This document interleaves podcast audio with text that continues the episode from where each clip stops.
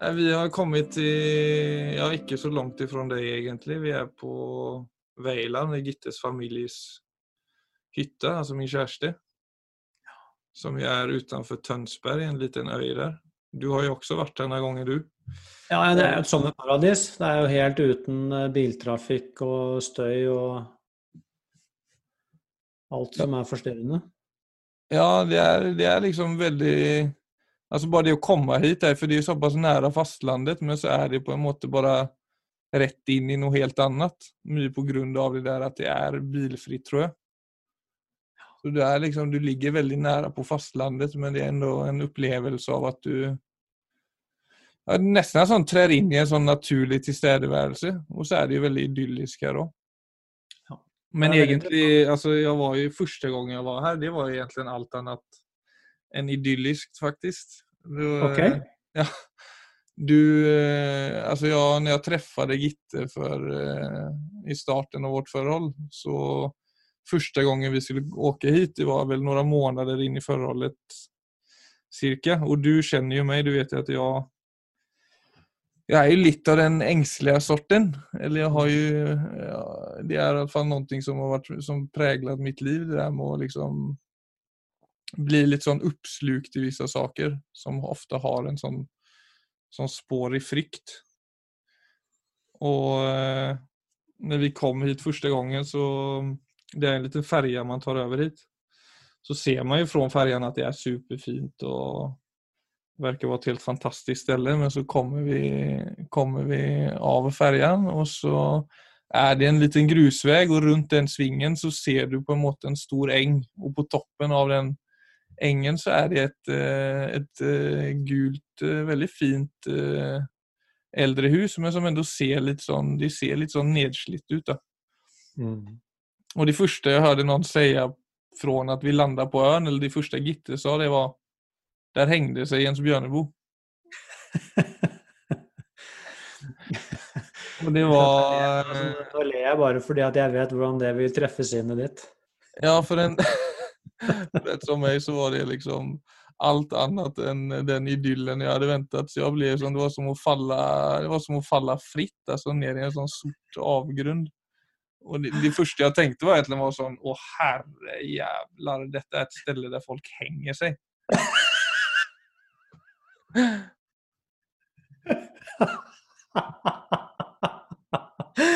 Ja, vær så god, her skal vi ha en langhelg og kose oss.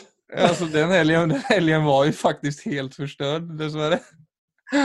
Och hon hade ingen aning om att det var liksom till de graderna på den tiden. Idag har det liksom stabiliserat sig lite men, men där var jag liksom, det skulle väldigt lite till för att jag icke skulle bli uppslukt i speciellt den typen av ting. För det var liksom största frykten var på en måte att må så dåligt att man inte orkade att leva. Alltså det var, det var liksom det värsta tänkbara i min lilla frykthjärna. Då. Ja, ja, jeg skjønner veldig godt. Det er, og da er jo ikke akkurat et sånt uh, sted helt uten støy og trafikk og ingen distraksjoner. Det er jo ikke det som er Det er ikke det som er drømmen da. Nei, og spesielt ikke med den innledningen. Altså, det hadde kanskje kunnet være det men med en liten annen start. Men nå ble vi det, det som det ble. Så det var jo som... Det huset ble jo nesten magnetisk under den helgen. Altså, jeg, jeg gikk nesten sånn omveier for å ikke komme nära det. Ja, klart det. Det blir jo sånn når frykten setter inn. Så, men det var den helgen Og sen etter det så har, det så har, det, så har jo systemet klart av å ta inn andre inntrykk enn bare det. Ja. Så idag har jeg, er det jo et sted som er et av mine absolutte fristed, vil jeg vel si.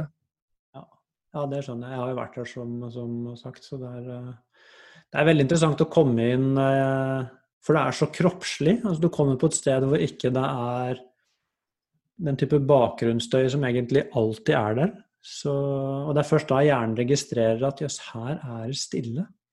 Ja, Akkurat som man faller en eller to etasjer dypere ned i seg selv med en gang.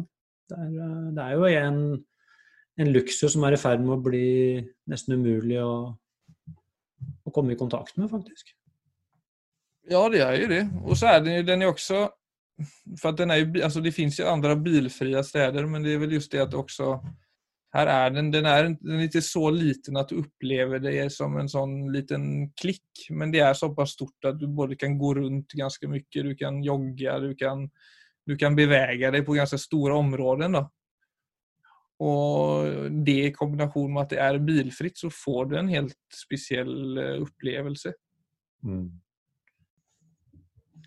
Men tilbake til den eh, situasjonen der som jeg hadde med med mitt møte med Veiland, som jo var liksom det jeg forsøkte også vise til, var liksom den tendensen til å Altså hvor omfattende det kan være når sinnet bestemmer seg for å feste seg ved noe, i stedet for å bare gi slipp på det.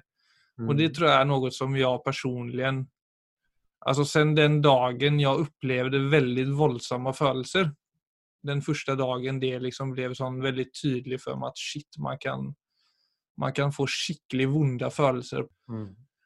Så tror jeg det kom en veldig sånn sterk frykt til meg, og som også hadde og har hatt en tendens til å hele tiden henge seg opp ved egentlig alle mulige sånne abstrakte altså kan være egentlig hva som helst, men bare den liksom mm. får feste i noe. Precis som om det også er en sånn form for at jeg forsøker kontrollere liksom følelsene, for å liksom ikke ikke behøver møte dem, så blir det at de fester seg alt mulig rart, egentlig. Ja. Og det har jo kunnet være helt sånne Altså helt eh, Jeg minns når jeg bodde i Göteborg, når jeg var 20 år, så la jeg meg i sengen en kveld og så begynte jeg tenke over det at man blinker. Altså at øynene blinker hele tiden. Mm. Og så ble jeg litt så ble jeg egentlig helt satt ut av det, for jeg skjønte at det gjør meg hele tiden. Og så googlet jeg det, og så skjønte jeg at det gjør meg 10 000 ganger på én dag. Og bare det faktumet at man gjør at noe skjer på kroppen 10 000 ganger, det ble, det ble sånn Altså jeg, ble, jeg fastnet i det i to uker og gikk rundt og liksom var oppmerksom på hver enda jævla blinkning jeg hadde. Ja, det er heftig. Og det er, og det, og, så, så, så, jeg tror Det mønsteret der tror jeg har vært en en, eh, en sånn følgeslager egentlig i min prosess, i det å komme igjennom de her vonde følelsene og, og komme eh, egentlig å bli bedre fra det, da, så har så det at sinnet hele tiden fester seg ved nå, har vært som en sånn sperr. Det er jo selvfølgelig utrolig ubehagelig det du beskriver, men det er jo også veldig interessant sånn, eh, å reflektere over hvordan, hvordan er det sinnet vårt egentlig opererer. Sant? I uh, hvordan det plutselig kan Det virker som du på et eller annet tidspunkt får nesten en form for sjokk. Altså, det vil jeg kalle det et eksistensielt sjokk. Altså det går opp for deg på en måte uh, Altså hvor sårbart livet egentlig er, og hvor stort det er. Og, og, da er jo potensielt sett Ja, alt per definisjon kan være farlig. Mm. Og sånn at da sinnet ditt begynner å Og det er altså på, på sanskrit, altså det gamle egentlig buddhistiske språket, så vil de kalle det en samskara, som egentlig er en sånn Du kan se for deg at det er en slags rille i sinnet. Altså det skaper et merke i sinnet. Og hvor da oppmerksomheten begynner å gå, nettopp fordi det hakket det er så voldsomt. Så det setter et merke og da kan så en kraftig, en veldig kraftig følelsesmessig opplevelse, det kan allerede starte, kan etablere et mønster. Så det virker som det er det som har skjedd med det. Har, den kraftige opplevelsen har etablert et mønster. Og så har sinnet bare fått en vane. Og jeg regner med da at det i løpet av årenes løp så regner jeg med at det er ganske mange ting du har hatt hangups på. Så det spiller ingen rolle hva det er. Det er mer at det er, det er alltid et eller annet man kan gjøre til til et tema. Ja, så det har også vært det med at jeg gikk litt fra å ikke undersøke noen ting, til å leve i en ganske sånn liten, naiv boble, til å plutselig begynne undersøke hver enda minste lille detalj av livet. Ja, det, det, hører jo med, på en måte. Og det, var, det er liksom en prosess som ikke har kunnet stoppe. Da. Det har bare liksom, Det er precis som om sinnet skal bryte ned hele eksistensen før det finner ro. Ja, det blir logikken. ikke sant? Det er fryktens logikk. Så når den først har Når den krana har åpna seg, så er jo det Altså Egentlig så vil jeg si at uh, altså seksualitet og angst er jo de to altså dominerende kreftene egentlig i uh, i hvert fall den delen av menneskelivet som, uh, som er styrt av biologien vår. Da. Det er to enorme krefter i sinnet, altså som, og som vi også er nødt til å håndtere for å kunne gå, å kunne gå videre.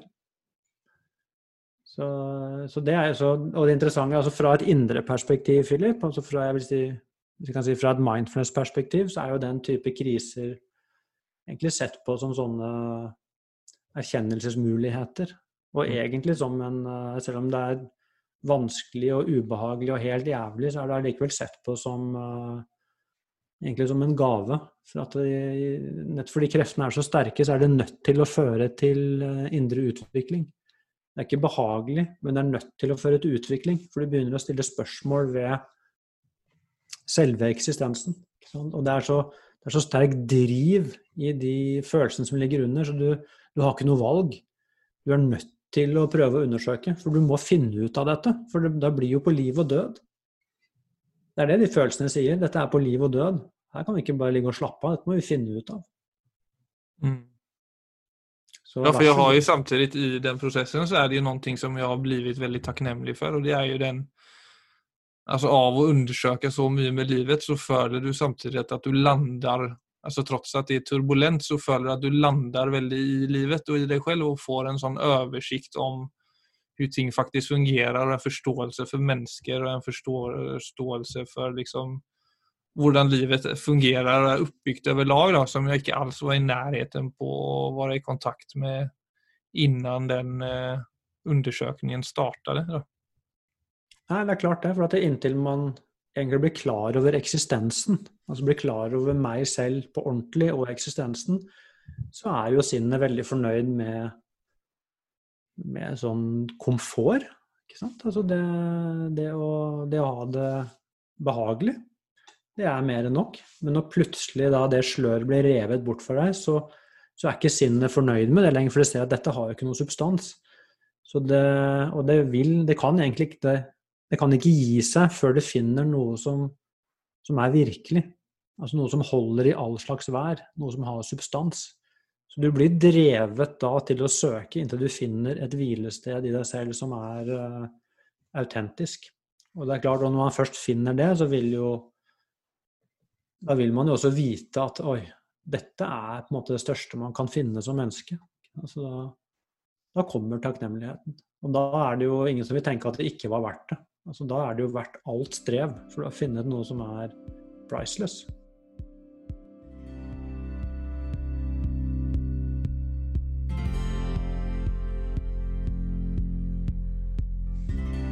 Så levde han lykkelig i alle sine dager.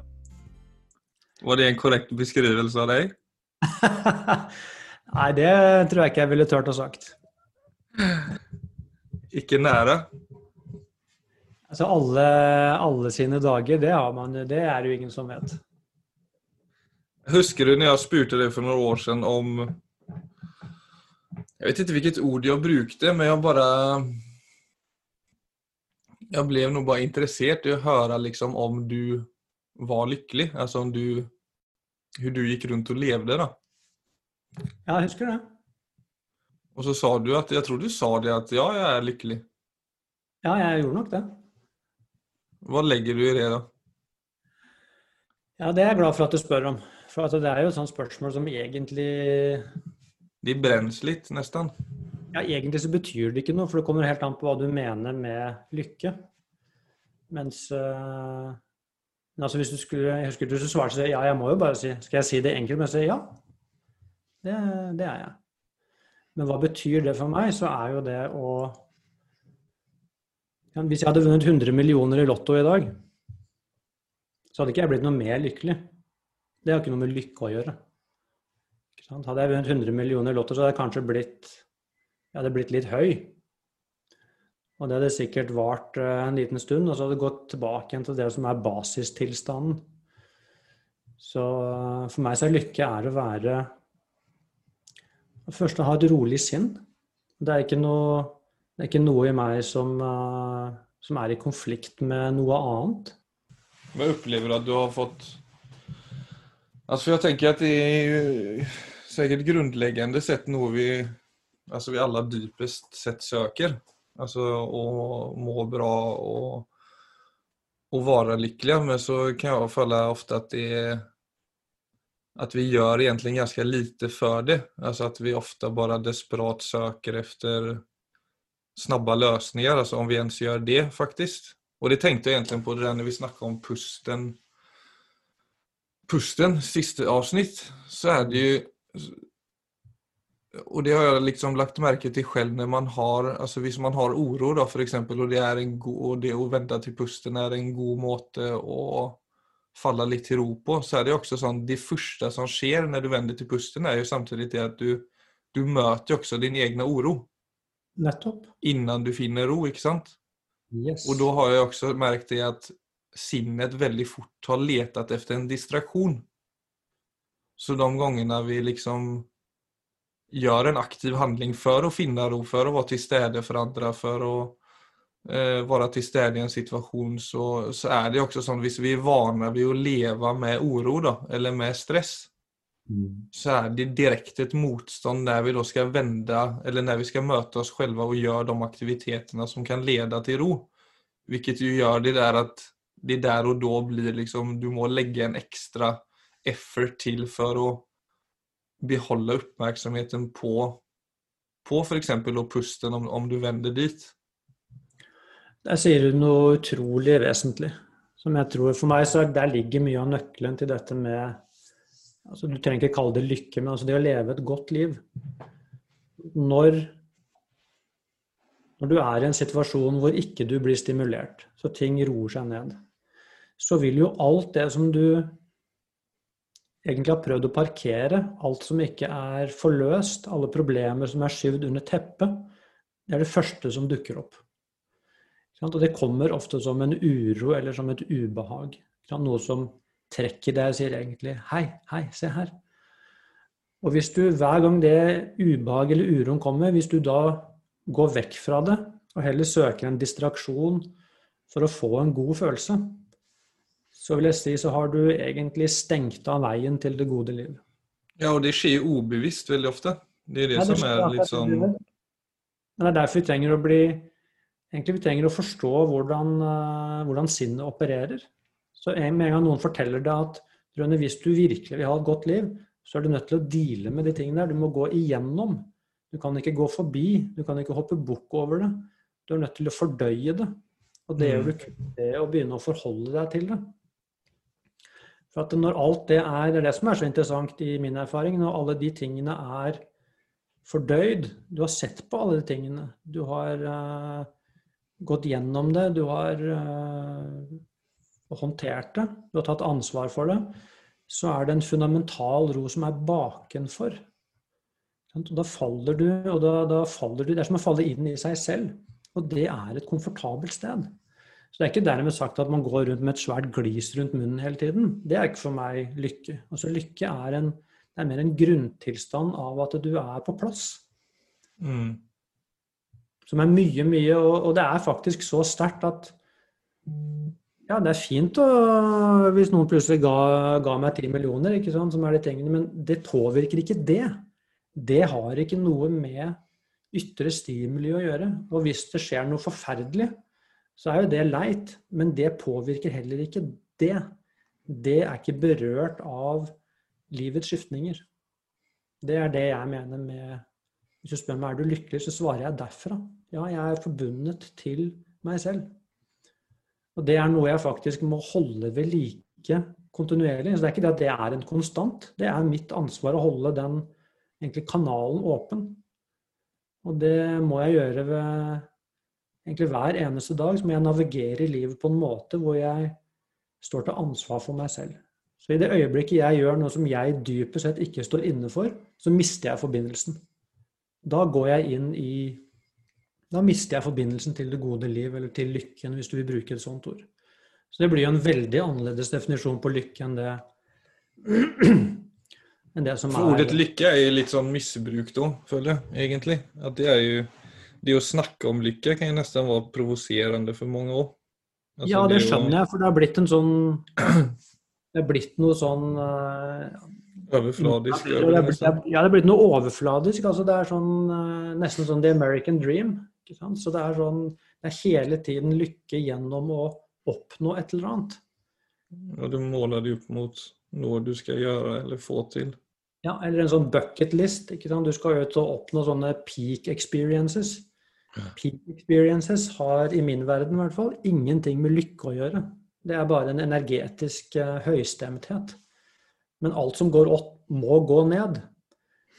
Lenge du hele tiden søker disse peak experiences, så er du nødt til å erfare det motsatte. Og det vil du ikke ha. Så da, da blir du bare gående i en sånn endeløs sirkel av noe som er fantastisk, noe som er kjedelig. Noe som er fantastisk, noe som er kjedelig. Og så må jo sånne peak experiences de må jo hele tiden bli Den neste må være sterkere enn den forrige. Så det blir som eh, all annen avhengighet. Man blir mer og mer nummen. Og til slutt så blir hverdagen din den blir grå og kjedelig. For det sammenlignet med disse peak, peak experience, så er uh, altså det å gå rolig rundt i sin egen hverdag, det blir grått. Mens i motsatt fall, når du begynner å gå inn i deg selv og begynner å rydde opp, så er det hverdagen som begynner å, begynner å oppdage hva en hverdag faktisk er. Det er en form for Det er pure magic, faktisk. Bare det at du kan stå opp Se partneren din i øynene. Ta en kopp kaffe sammen på morgenen. Altså... Ja, men når du sier pure magic, altså om man Det er jo mange som opplever at en hverdag altså Du kan jo bare det at du kan være ensom, ikke sant? Du kan ha et arbeid som du ikke opplever er meningsfullt. Det er veldig mange store faktorer som veldig mange mennesker opplever, og som, som tær veldig mye på, på, på sinnet vårt. Absolutt. Som gjør det vanskelig da, å komme i kontakt med det du sikkert henviser til som noe annet, når du snakker om det der. Jepp. Det er eh, fint du sier det, Philip. Husk på det. Det jeg snakker om her, er på en måte enkelt. Men jeg ville også sagt at dette er det vanskeligste av alt. Det er, noe, det er ikke noe, lett med dette jeg snakker om nå. Det jeg sier, er at dette ligger i menneskets mulighet. Men det er ikke lett det er en mulighet for mennesket å leve med Og når jeg sier magic, så mener jeg egentlig altså barnets, barnets undring over livet. Det har vi egentlig i oss alle sammen. Og i den, i den undringen så Du har ikke definert livet, for det er Hvis du sitter i et øyeblikk og tenker, så er det veldig rart å være levende. Det er noe med det som er komplett uforståelig. Også noe som er helt vidunderlig.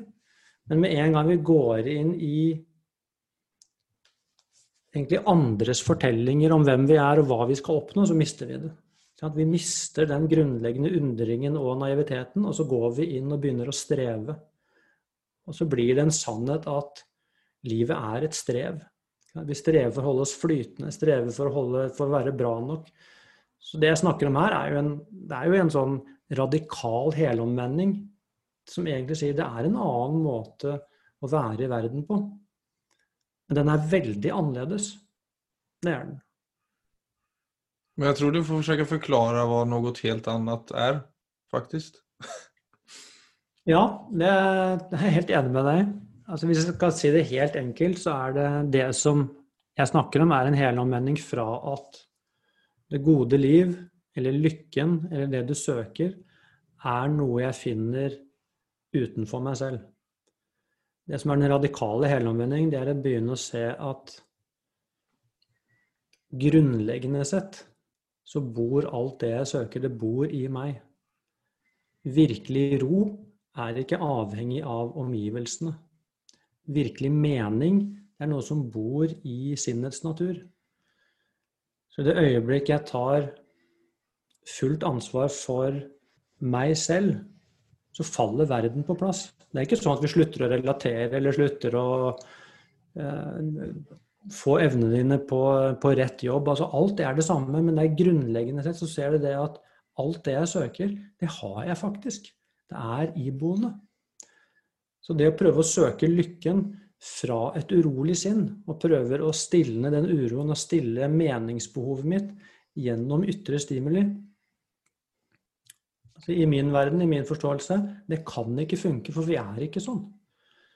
Så egentlig alt du trenger, er bare å få en litt dypere forståelse av hva det er å være et menneske. Så står du på en annen plattform. Og fra den plattformen så Selvfølgelig er du fullstendig aktiv i livet og i relasjoner. Men du er det fra et sted som er på plass, ikke et sted som er evig sultent. Det er som et sort hull som hele tiden prøver å fylle seg selv opp gjennom ytre ting. Men du vet, alt som går inn i det sorte hullet, det bare forsvinner. Og da blir grunntilstanden blir å være et sort hull.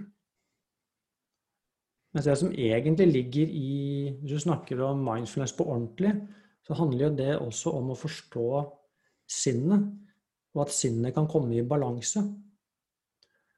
Sånn ja, for det, det opplevde jeg vel ved å si at sinnet Altså etter at man har gjort litt eh, Alltså både i form av meditation men också liksom jobba med mindfulness-praksisen och de holdningene som ligger i det så er det jo noe veldig spennende som skjer når sinnet börjar bli mer oppmerksom på øyeblikket enn tanker og følelser.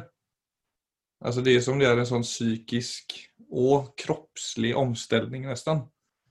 Ja, det blir alltså som om du tidligere var opptatt med en tanke, at, at eksempel en, en eh, en tanke om at du ikke får til noe, eller en tanke om at du ser stygg ut, eller oavsett hvilken tanke den kan være, så, så har jeg hele tiden opplevd det at når du sen på en måte Hvis du da går ut fra din leilighet eller ditt hus, og du bare kjenner at du plutselig kommer i mer kontakt med det som er framfor øynene enn det som er i hodet, så blir det også veldig tydelig at den dårlige selvkänslan sitter i, ho i hodet mens alltså, självvärde och god självkänsla kommer av seg selv når du lander i ögonblicket. Och det er jo på en måte et veldig tydelig tecken på at god selvkänsla alltid er tilgjengelig og alltid er der for oss hvis vi ikke låser oss opp altfor mye i tanker om oss selv eller känslor som sitter igjen fra tidligere hendelser i livet. og Det er veldig mye som er tilgjengelig når sinnet faktisk begynner bli opptatt av øyeblikket. Yes. Og det er eh, Så er det da Hvis man hører det og tenker det kan ikke være så lett, så er ikke dette noe du bare gjør i et øyeblikk. Det vi snakker om, er at den, det skiftet er jo noe som skjer gjennom et resultat av hardt arbeid over lang tid. Så det er ikke det at det bare er å knipse i fingrene, så er det gjort. Men det er Nei, men du kan få en et uh, ja, Som du sier, for å liksom klare av å leve med det. Jeg er ikke ens i nærheten, men det å smake på det og plutselig kjenne at det er en måte å være på som er så mye sterkere enn å være fast i tanker og følelser. Som frambringer kvaliteter som du ja, som var liksom eh, først eh, utilgjengelige, eller du visste ikke at de helt eksisterte? Men det er fint du sier det, Philip, for at i min, altså i min egen personlige erfaring så vil jeg jo si at uh, at når jeg som altså i 20-åra møtte jeg møtte hele det buddhistiske tankegodset, og var også på mine første sånne meditasjonsretreater hvor jeg satt uh, og mediterte mye, så fikk jeg jo det første glimtet av det du snakker om nå. Jeg så at oi, det var noe jeg erfarte, men det var bare som et glimt. Det var ikke noe som endret endret ikke noe fundamentalt, men allikevel så visste jeg da om at dette er mulig. Og så vil jeg si at det da det kanskje tok 10-15 eh, år før jeg kjente at det hadde skiftet i meg. Så det var jo mange, mange år med ganske dedikert jobbing før jeg kjente at oi, nå, nå er jeg på plass. Men ikke det at det var noe store egentlig innsikt i det, men jeg kjente nå er jeg på plass. Altså, nå, er det, nå er det ro i systemet. Så nå er, mm. Eh, nå er selvverdien min på plass, og den er bare forankret i meg. Så nå er ikke den så sårbar lenger som den pleide å være. Det var, hvis jeg fikk applaus, så hadde jeg mye verdi. Hvis noen kritiserte meg, så mistet jeg verdi. Mens når du faller på plass i deg selv, så er det fortsatt hyggelig å få en god tilbakemelding. Mm. Men det er ikke sånn at du blir tre meter høyere bare fordi noen skryter av deg. Og da er det på samme måte hvis noen kritiserer deg eller ikke syns du er bra, så er ikke det mm. verdens undergang. Altså, for du er noe i deg som er mer solid enn at det blir bestemt av verden, eller hva andre syns. Ja, for et klassisk eksempel der er jo bare det om du starter dagen dårlig mot, mot at du starter dagen godt. Altså du går opp på morgenen og varmvannet er slutt og du har ingen god frokost å sette tennene i, mot at du går opp og allting stemmer. Og du går utenfor døren og så møter du et menneske som, smil, som du smiler til, kanskje en bekant, liksom. Og så får du inget smil tilbake. Mm. Og hvis du da møter den personen på helt samme måte med de to utgangspunktene, så kan man jo bare kjenne litt på hvilken følelse man blir levnet med utefter hvordan man har startet dagen og hvor lite som kanskje skal til også for at vi skal just bli vippet av stolen hvis vi ikke har en, en litt mer, en sterkere forankring. Nettopp. Så enkelt kan man si det. Du får mye større motstandskraft, så du er på en base som bare er mye tryggere. Så vet du, Hvis du er nyforelska, så tåler du plutselig alt. Det er noen måneder når du er nyforelska hvor du er plutselig helt, så er du helt usårlig for omverdenen. Fordi at du er på et helt annet sted i deg selv. Men det som vi alle vet, det varer jo ikke. Nei.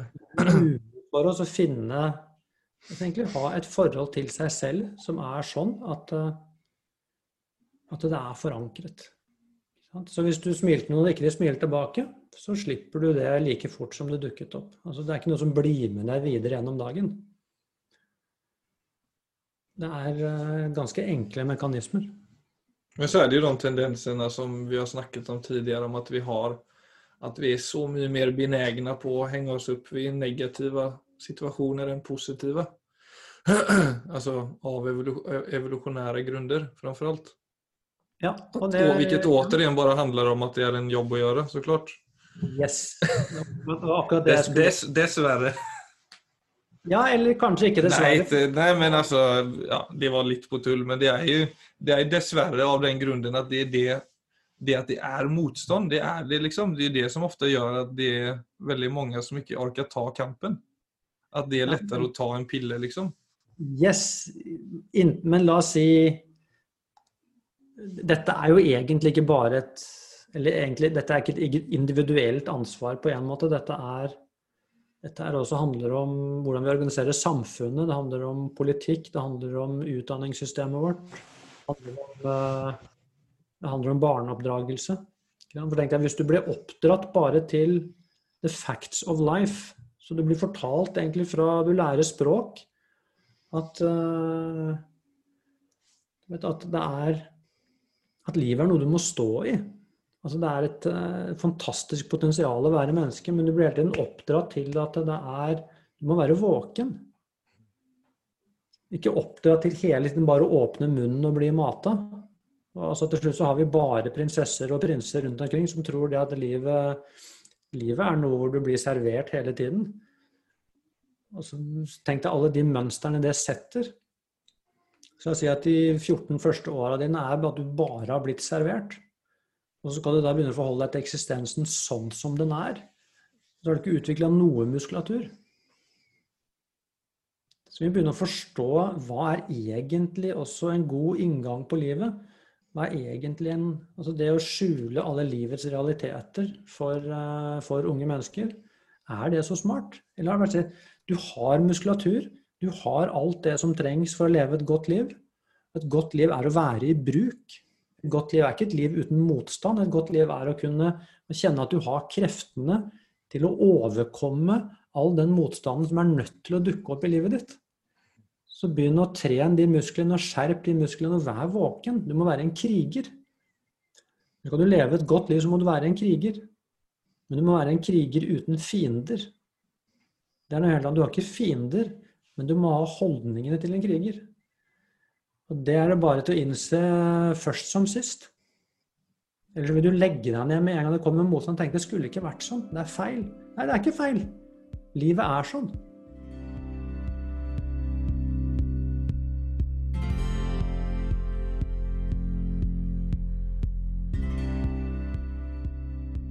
Det har blitt kveld, og jeg bestemmer meg for å ta en kveldstur. Det er en fin kveld, og solen ligger lågt, men värmer fortfarande. Jag går ner förbi Sankthanshaugenparken. Ett lugn har lagt sig över byn. Men överallt så kan du lägga märke till små luckor av liv som bryter stillheten. En restaurang som börjar fylla sig med människor. Ett par som kommer bärande på två kiwipåsar. Jag går och känner mig inspirerad. Tänker på innehållet i podden, ser ett motiv jag kan fotografera. Så stoppar jag till och blir stående och ser på ett kompisgäng som spelar basket. Framför basketplanen står det två stora björkträd som bryter solljuset rätt framför spelplanen. Jag får feeling och vi tar en bild. Jag får till slut så mycket feeling att mina fingrar närmar sig Instagram-appen.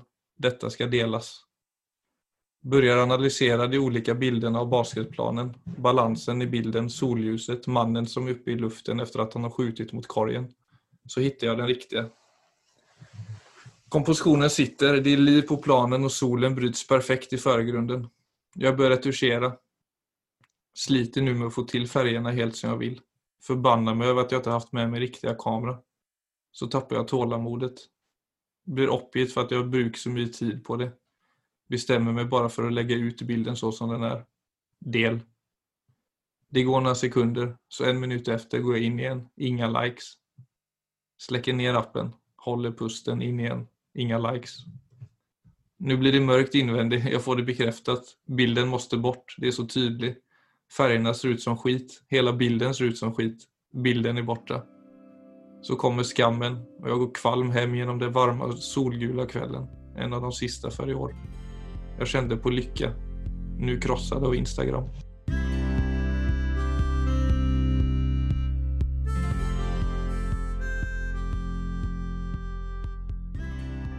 Så da er vi tilbake og inne i vår eh, tredje del av det å mestre oro i, eh, i vardagen. Eller livet generellt kanskje det egentlig handler om. Og vi har jo da snakket om, Første delen var jo det om hva vi har kontroll på og hva vi ikke har kontroll på. Og andre delen var, Hva faen, hva var det? jeg, er så, jeg, er så her og nå vet du, i samtalen. Så jeg Nei, men det har, hva var det? Det minns jo det her kanskje vi klipper bort eller ikke, men hva var det? Det var... Du, du minns ikke? Du lyssnade, helt... på den, du lyssnade på den episoden igår. Fikk jeg helt jernteppe, jeg òg, når du sa når du skulle ramse opp. Eh, det var selvfølgelig at uh, suksess er å være et godt Just menneske. Det. Ja, og da vil du snakke om selvdisiplin i dag, som Som et tredje mislykkende, holder jeg på å si. Nej, nej, förhoppningsvis har det varit fina episoder som folk har haft nytta av. Det har i alla fall jag haft, måste jag säga. Av att snacka med dig om det.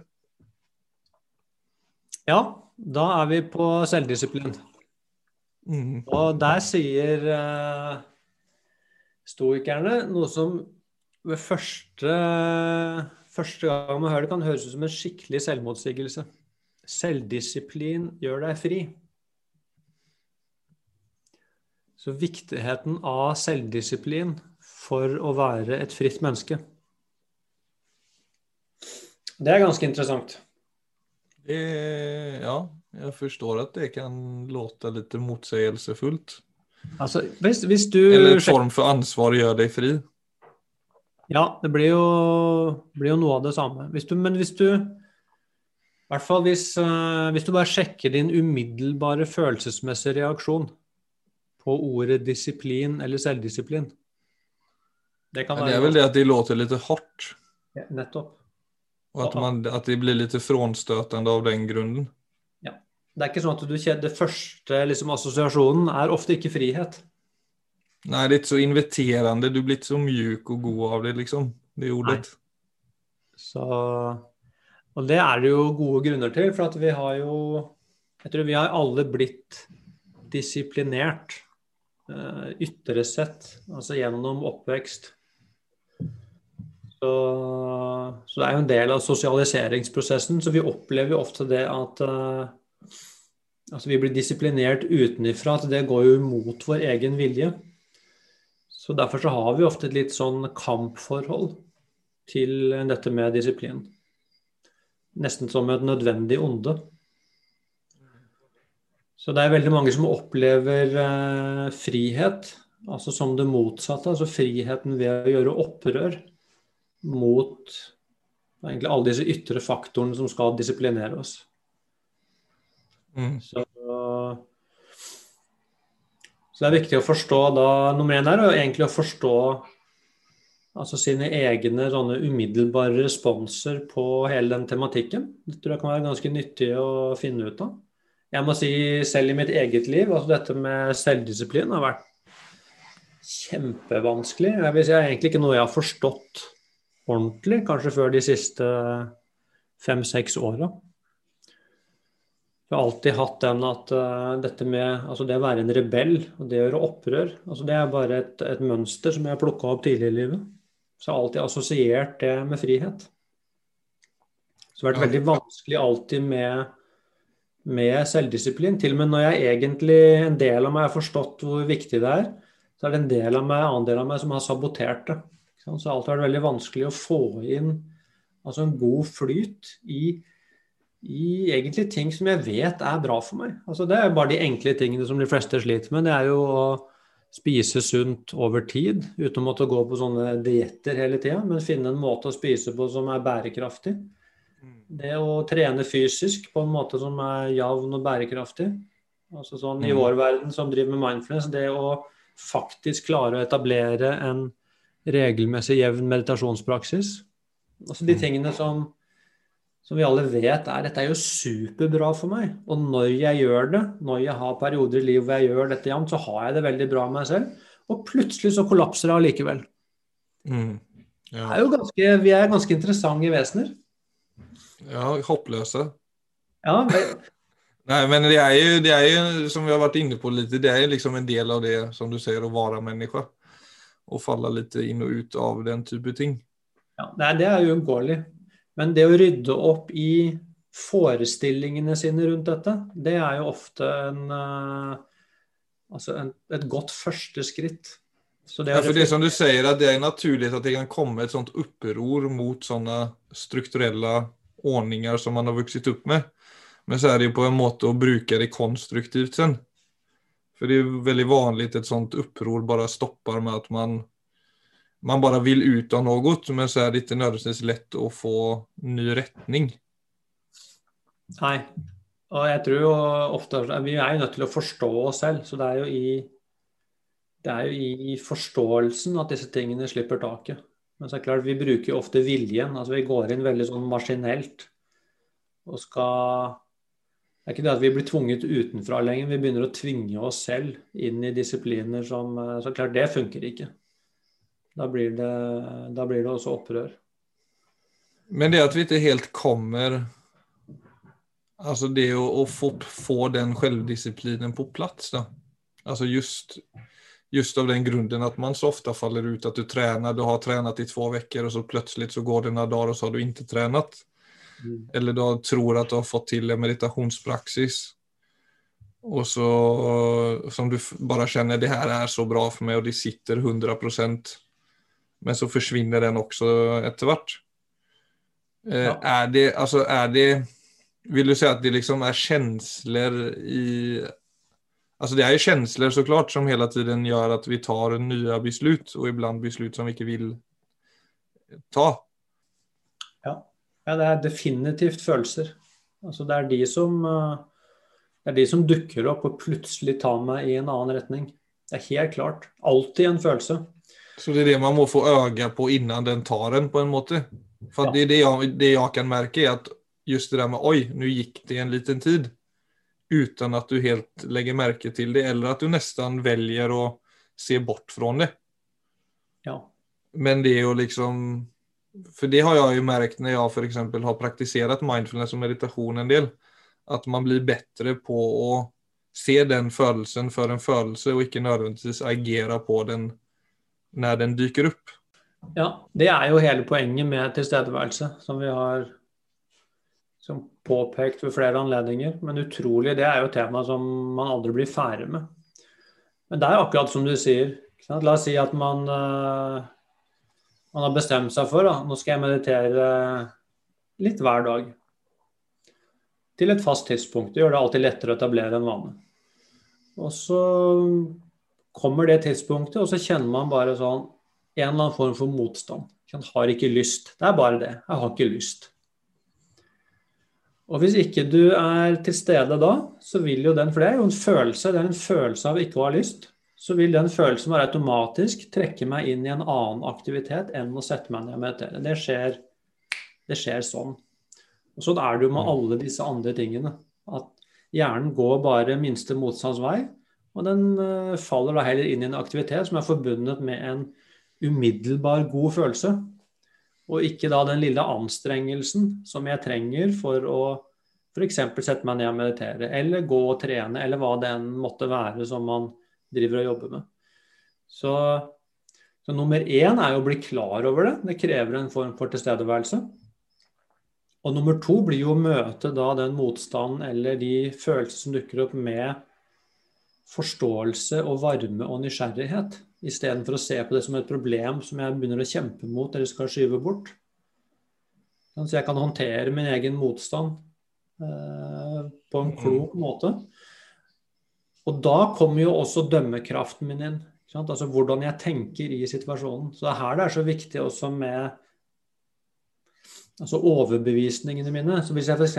har forstått at selvdisiplin gjør meg fri, altså at det er et utrolig viktig element i et godt liv, mm. så kan jeg jo håndtere den motstanden og ganske kjapt f.eks. la sette meg ned og meditere. Og så vil jo de følelsene skifte veldig fort. Så dette, dette krever nok tilstedeværelse til å forstå at altså, følelsene mine er ikke nødvendigvis gode guidelines. Det er ikke sånn at jeg skal jeg trenger ikke tro på alt jeg føler. Jeg trenger ikke mm. følge alle disse følelsesimpulsene. De er ikke til å stole på.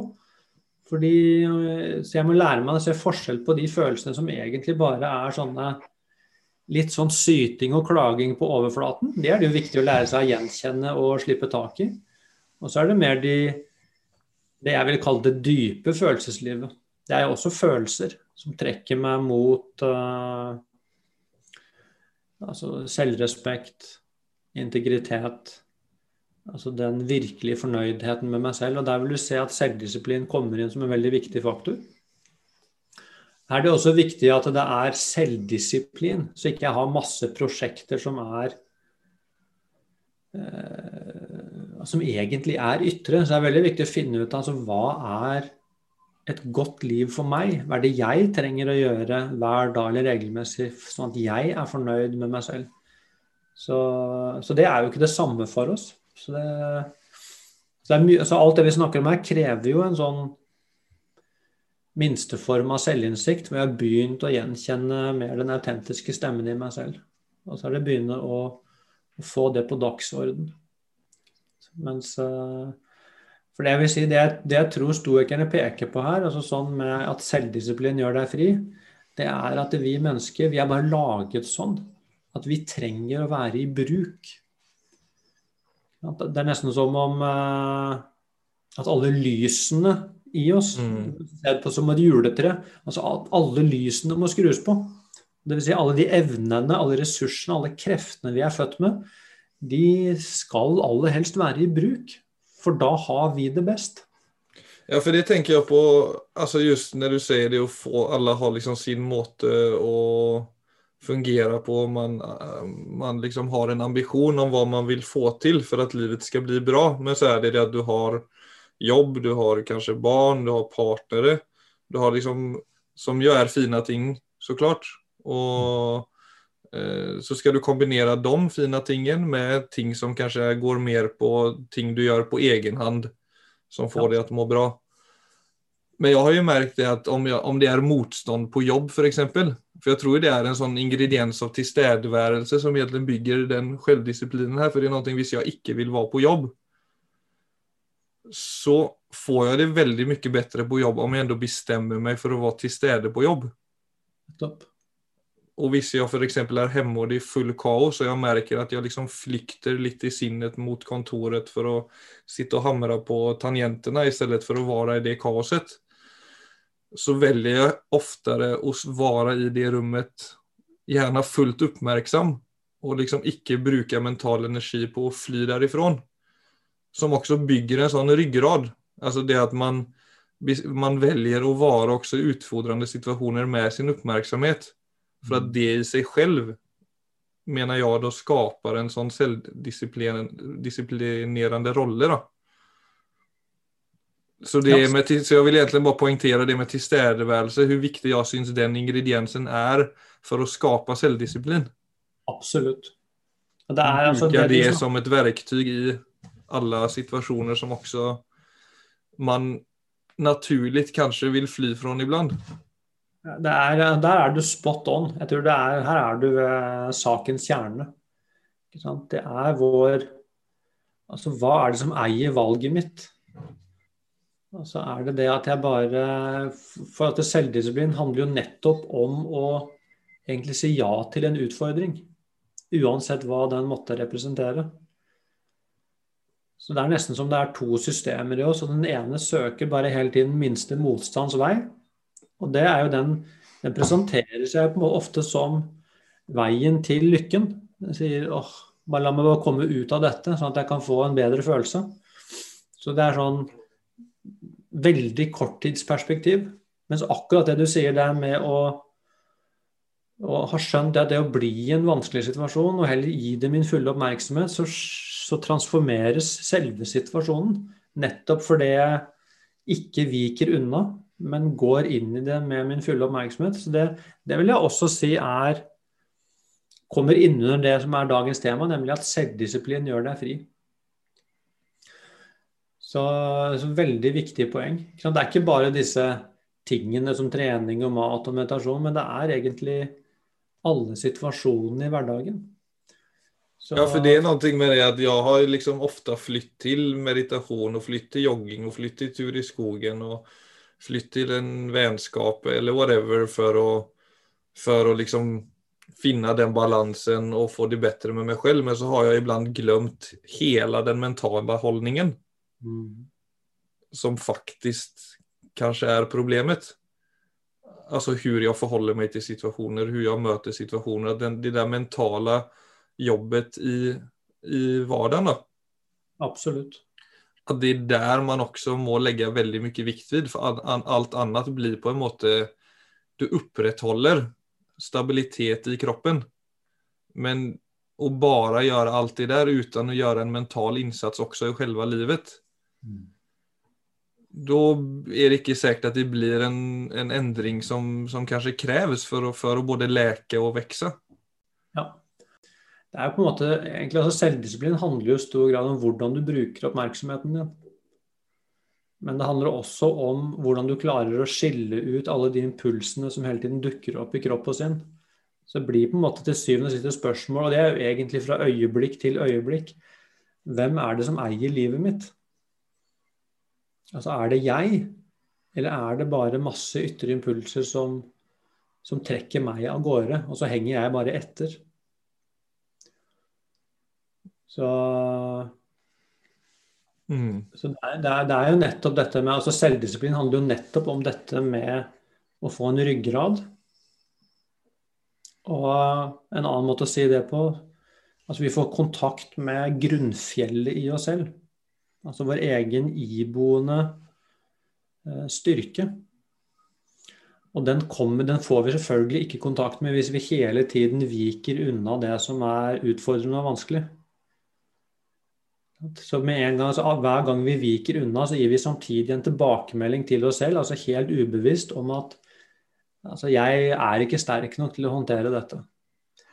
Får vi på en måte en, på en måte i psyken vår så får vi den umiddelbare gode følelsen av å slippe unna. Men samtidig så får vi da den dårlige følelsen av at, altså et litt sånn åh, mm. Det er noe i oss som synker litt sammen. Svekket, ja. Sånn det, så det påvirker selvbildet vårt, og det er der krisen ligger. Mens det å hele tiden si ja til altså det skal jo porsjoneres Der kommer klokskapen inn. Jeg må porsjonere ut utfordringene mine i forhold til hva jeg tåler. Men det å finne grensen sin, sånn at jeg utfordrer meg selv litt hele tida. Som handler da egentlig om jeg må ut av komfortsonen. Altså komfortsonen er ikke en vekstsone.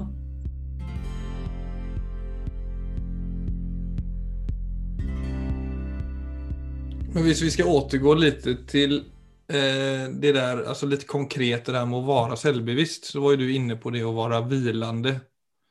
Ja. Medan jeg snackade litt om den selvbevisstheten som kanskje bottnar mer i frykt. Mm. Alltså hvordan framstår jeg nå? Hvordan formulerer jeg meg? Sa jeg noe dumt? Tykker han eller hun ille om meg? yes. hele tiden den der domen som man kan gå rundt og leve med som en sånn kommentator, nesten. Hva tenker du er en sånn god måte å hantera det på? For det, det tror jeg også er en veldig sånn et tidssyndrom idag. Alltså det har ju, man har jo alltid vært kanskje oppmerksom på seg selv, som du nevnte, men i dag tror jeg det har eh, går litt på anabola nesten. Ja. ja det er veldig fint, Philip. Altså, da er vi jo tilbake til det vi startet med, som igjen er dette med det handler ikke om deg så er det jo det de peker mot. Det er jo egentlig å løse opp den knuten som, som, holder ting så hardt, og som hele tiden går og har en sånn selvrefererende indre dialog på, som egentlig bare dreier seg rundt Er jeg bra nok? Altså det er 1000 eller 10 000 spørsmål, varianter av egentlig den, bare den nagende tvilen. Duger jeg? Har jeg det som trengs? Er jeg pen nok? Sa jeg noe dumt? Er det noen som tenker noe feil om meg? Så, så, egentlig vil jeg jo si at alle episodene våre på denne podkasten så langt er egentlig forskjellige innfallsvinkler for å prøve å slippe litt taket i den måten å leve på. For det er, altså det er en oppskrift på lidelse. Det å gå rundt med den formen for uh, selvoppmerksomhet og selvopptatthet er Da har man aldri et fritt øyeblikk. Det er akkurat som om dommen bare henger over meg som en mulighet hele tida. Så det er jo mange ting ja, for Man blir tommere og tommere av å leve sånn også, og mer og mer sårbar for at man får semre og semre kontakt med seg selv. Ja. Så det er en veldig ond sirkel. Ja, da, man, og man blir levende i en helt kunstig verden hvor man nettopp da ikke får øye på at jeg er en del av en mye, mye større sammenheng. Ikke sant? Så mm. det, det første gang man hører det, altså 'jeg er ikke så viktig', så kan det høre sånn her, og man kan, er ikke jeg viktig?' Liksom Det er som om worst case scenario. Men altså, det mhm. peker jo bare på at Det peker på å heve blikket. Så det, det å oppdage at, at jeg ikke er så viktig, det gjør at jeg endelig kan bare puste ah, langt ut, slippe meg selv helt ned, slutte å være på vakt, og så heve blikket til å se Eh, at jeg er del av noe mye større. Så, ja, så det å komme litt på plass i seg selv, så våkner jo litt den å kjenne seg viktig av seg selv, fast på en mer konstruktiv måte. At du har et verdi, annet enn at du får det verdiet bekreftet av den der kommentaren eller dommen du søker der ute hele tiden. Ja. Så det er, ikke, det er ikke det at uh... Men det er jo et samspill der, så klart. Så det er jo, så både liksom det ytre og det indre blir jo bedre når du klarer av å balansere det der. Men altså egentlig så vil jeg tenke at det å få en Altså etablere en uh, Altså en ny relasjon til mine tanker og følelser, det ligger jo der som en Og det vil jeg kalle en ferdighet. Altså en grunnleggende ferdighet. Og den går det an å, den går det an å lære seg, faktisk. Altså det er jo nesten alle mindfulness-øvelser, disse praktiske øvelsene, handler jo om å oppøve denne nye relasjonen. I min egen erfaring så er ikke det noe som tar så lang tid. Altså jeg har jo snakket med mange mange de siste 10-15 åra som har gjort det, og som, eh, hvor det klikker inn ofte i løpet av noen måneder med regelmessige mindfulness-øvelser. Hvor du ser at de Altså den type tanker og følelser og perspektiv. Altså du, for Hvis du prøver å kontrollere og si 'Å nei, nå skal jeg slutte med det', så blir det bare en tanke som kriger mot en annen tanke. Men det å lære seg at de, alt det som At den indre kommentatoren, hvis jeg ikke prøver å bli kvitt den, hvis jeg ikke prøver å endre den, men at jeg kan bare være med en altså både observerende og aksepterende, uten å tilføre noe mer energi, uten å måtte ta det så høytidelig, så begynner det å roe seg ned av seg selv. Det er litt det samme som hvis du har et glass vann uh, uh, La oss si hvis du tar altså Farris f.eks. og rører rundt det, så vil du se at vannet blir helt grumsete, for det er masse salter og sedimenter i vannet. Mm. Uh, men hvis du tar det glasset og så rører du, og så lar du det bare stå helt i fred, jeg vet ikke hvor lang tid det tar, kanskje et par timer, så er plutselig vannet blitt helt klart. Og det er noe av det samme med sinnet. Altså Hvis vi hele tiden slutter å røre rundt, prøve å egentlig få kontroll, prøve å finne løsninger. Og la det være i fred litt, så skjer det akkurat det samme med sinnet som det gjør med vannet. Faller til ro av seg selv. Og da kommer den åpenheten og klarheten og hvilen. Altså da da mm. viser det seg kanskje først i små glimt, men etter hvert så får du øye på at jøss, dette er kvaliteter ved sinnet som er iboende. Så egentlig det eneste jeg må gjøre, er at jeg må ta et skritt tilbake. Istedenfor hele tiden å være frempå. Så det er egentlig der, det å søke kontroll når det, det spinner eh, helt ut. Så vi gjør mer og mer av det som ikke fungerer. Og til slutt så blir vi stående som om vi er i en tvangstrøye. Og i, verste, og i verste fall tenker vi nå har jeg prøvd alt, ingenting funker. Ja, men jeg minns det først når vi hadde, altså når vi precis hadde träffats og vi skulle ha vårt første møte. Så hadde jeg jo, altså da hadde jeg jo, var jeg jo fortfarande litt sånn på randen av en sånn eh, et depress, depressivt tilstand. Mm.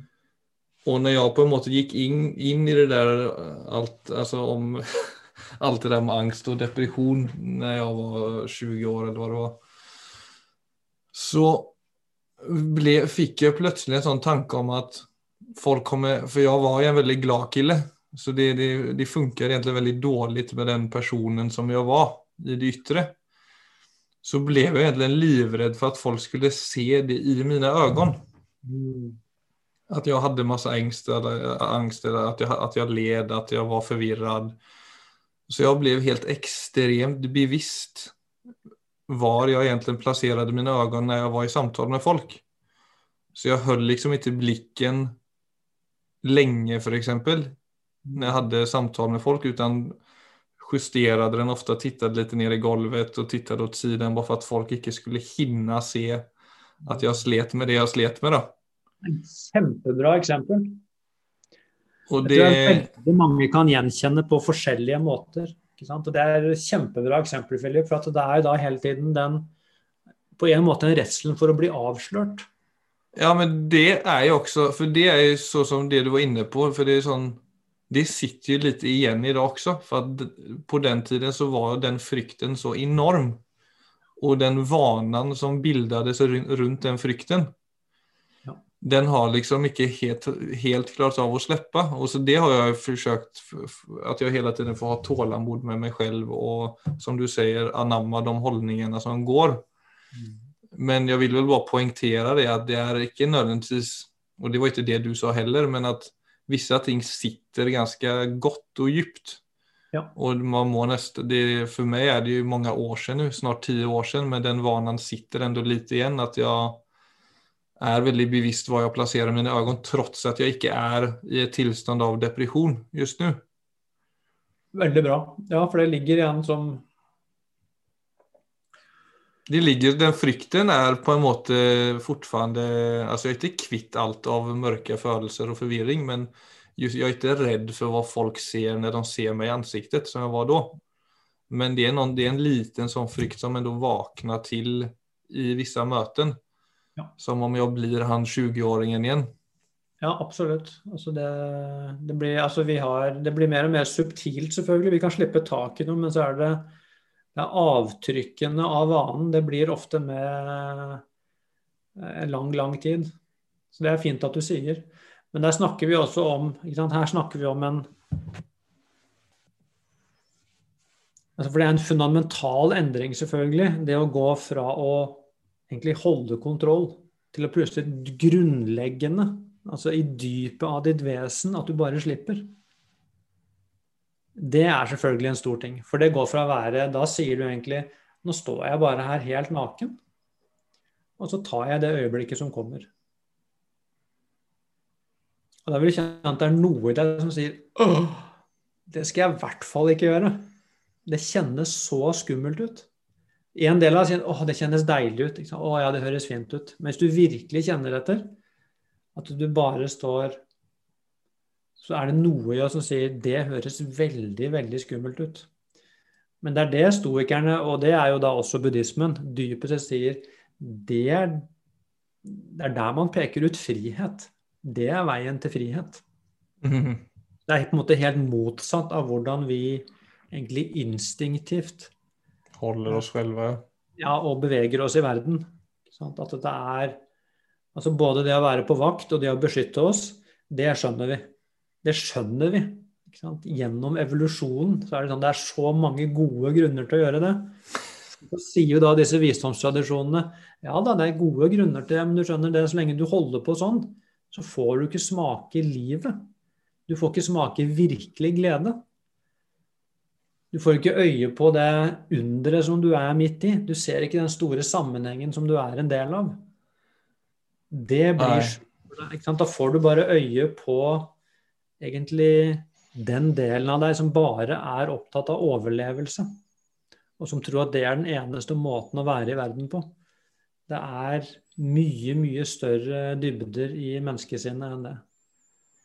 Og så er det jo da at man og Ofte så hjelper det godt å se Hvis du plutselig får øye på noen som har foretatt det skiftet, så merker du det med en gang. Du ser at jøss, det var en annen måte å være i verden på.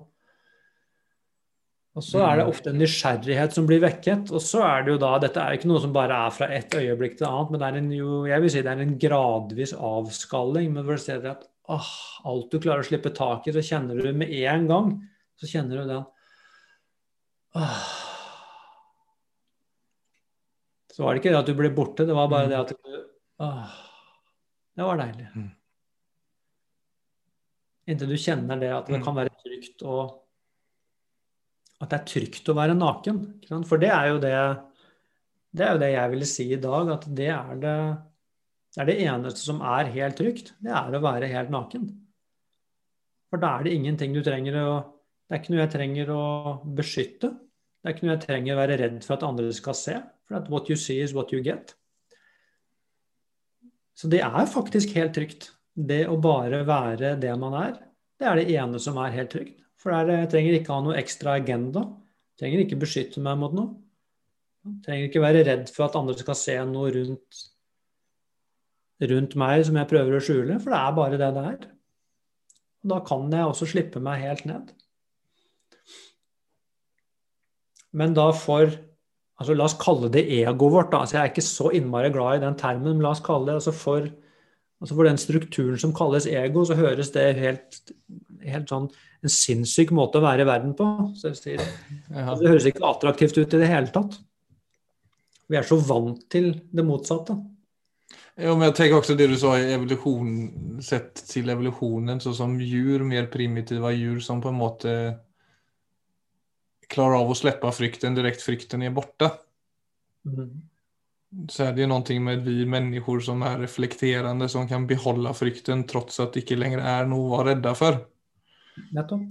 Som jo kompliserer det så veldig mye mer. Ja, da, vi er, Og det er jo bare et tegn på hvor, ja, hvor kanskje fel ute man er. Altså, eller altså, hvis man eh, Altså, vi, vi, vi, det er precis som vi, vi tar eh, eh, Hva heter det? Eierrett til frykten, ikke sant? Når vi egentlig bare skal slippe taket om den. Ja. Og du vet, ofte i bunnen av frykten, Philip, så ligger jo nettopp ofte den Altså den selvsentrertheten da, som tror det at den må være noe spesielt for å ha verdi. Så det er uh, Hvis du virkelig kikker etter hva er det egentlig som driver meg? Hva er alle disse kreftene som gjør at jeg tror jeg må gjøre alle disse tingene? Hva er det som er Ja, der kan jeg jo direkte si at det er liksom så som ut ifra et fryktperspektiv, så er det en det er jo en drivkraft for å bli akseptert på et eller annet plan. Yes. Den er Altså Det er den buddhismen faktisk sier. Det er, den er falsk. Det, sier, det selve, det fins ikke engang. Så det er en ren illusjon. Mm. Så det å så det, så det slippe tak i det, og så heller få øye på det at vi Så hvis ikke jeg er her for meg selv, hvorfor er jeg her da? Så hvis, jo, vi er her for hverandre. Så det er jo det andre blikket som kan dukke opp. At du Og det er som å gå inn i et helt annet rom, hvor du ser at du er større av en Du er en del av en stor helhet. Og vi er her for hverandre. Så alt ikke, Ingenting i eksistensen står alene.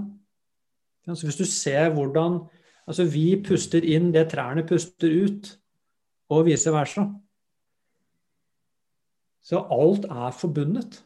Så det å få øye på den, altså den kosmiske veven som de, som de beskriver det som i Nå går vi dypt.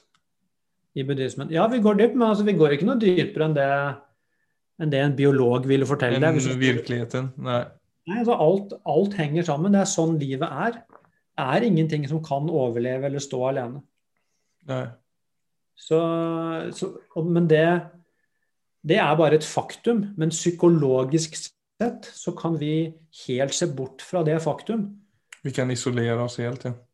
Nettopp. ikke sant? Da, og da blir vi bare gående rundt i en veldig, veldig liten verden som egentlig bare er noe vi opprettholder i vårt eget hode fra øyeblikk til øyeblikk. Og den verden er bundet opp i frykt. Mm. Mens den virkelige verden, så er det ingen som er alene. Altså I virkeligheten så fins faktisk ikke alene. Så det er jo da det altså både stoikerne og buddhistene ville kalle frihet. Det er når du får øye på det. Så er det ikke det at det er noe som blir det er ikke noe som blir borte. Det er ikke det at du da føler at du er uviktig. Tvert imot, du føler deg du er utrolig viktig som egentlig a piece of life. Ja. Som eksisterer sammen med masse andre pieces of life, men som grunnleggende sett bare er det samme livet. Så det er en, uh, det er en flyt, det er en enkelhet, det er en uh, Med det sagt så ønsker man ikke å leve uten mennesker heller. Altså, det er ikke så at du vi, vi snakker jo ikke om at det ene uteslutter det andre. Det, tror, altså, vi snakker jo tvert. Ja. Vi snakker jo tvert imot om uh, altså et, et, samvær av veldig veldig høy kvalitet. Du vet, altså hvis jo, jeg mener bare folk som opplever at hvis du ikke har en familie, f.eks., du har ikke så mange venner, altså du, du lever da sånn i, i, i det ytre et ganske ensomt liv, så er det jo så klart ikke at man eh, at, at, det er et eh, at du bare kan hengi deg til den kosmiske planen. Eller, altså, du skjønner hva jeg mener? Nei. Det er liksom det är ikke det, det, är inte det dette handler om. men det handlar liksom, du, du, Nå snakker du egentlig bare om lager i oss. Alltså att vi, vi lett har en så begrenset måte å se på vär, verden. Då. Ja, men tenk Hvis du er ensom, det er jo et stort problem i verden i dag. Et kjempeproblem, faktisk til tross for at vi er så mange mennesker, så er det jo igjen det å heve blikket litt. altså Bare det å få øye på altså et, Det er jo et faktum at det jeg puster ut, det puster treet inn, og vice versa. Så er det noe med at du kan Ja, den kontakten er tilgjengelig. Hvis du tar det på alvor, så vil du kanskje faktisk komme ut av din ensomhet et lite øyeblikk. Mm. Det er ikke det at du da plutselig går inn i en kosmisk orgasme, det er ikke det jeg sier, men du hever nok til at du faktisk et øyeblikk kom ut av din egen ensomhet fordi fokuset ditt var på noe annet. Og som er mer virkelig. Altså, ensomhet er jo virkelig som en psykologisk tilstand, men det er ikke virkelig med stor V. Det fins egentlig ikke. Vi er i kontakt med Altså, vi er i kontakt med andre ting, mm. enten vi vil det eller ikke. Altså, sånn er det faktisk å leve. Så mm. alt er interconnected. Men det går oss hus forbi, nettopp fordi vi blir selvsentrerte på den feile måten. Ja, nå får du en liten mulighet til å wrap it up, Viggo, innan jeg trykker på off record her. Ja. Eller det var jo en fin rap, men om du har noen siste ord å, å dele på den tematikken. Nå runder vi av stoisismen. For, for now, i hvert fall. Ja, sånn avslutningsvis så kanskje vi bare kan uh, ta et lite blikk på disse fire episodene som en helhet. Så har jo det vært et forsøk for oss å peke på altså en måte å se verden på, en måte å være i verden på som går på en måte helt i motsatt retning av uh, mye av det vi sliter med i dag.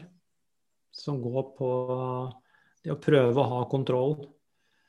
Det å, å være drevet av altså alle disse ideene om ytre suksess som, som, er i tiden. Og som det er lett å ta til seg og tro at jeg må oppnå disse tingene for å Nesten for å ha eksistensberettigelse. Altså for å være bra nok. Og, og, hvordan egentlig da ting Akkurat som man blir, blir, levende i et mindre og mindre rom, hvor ting holdes hardere og hardere.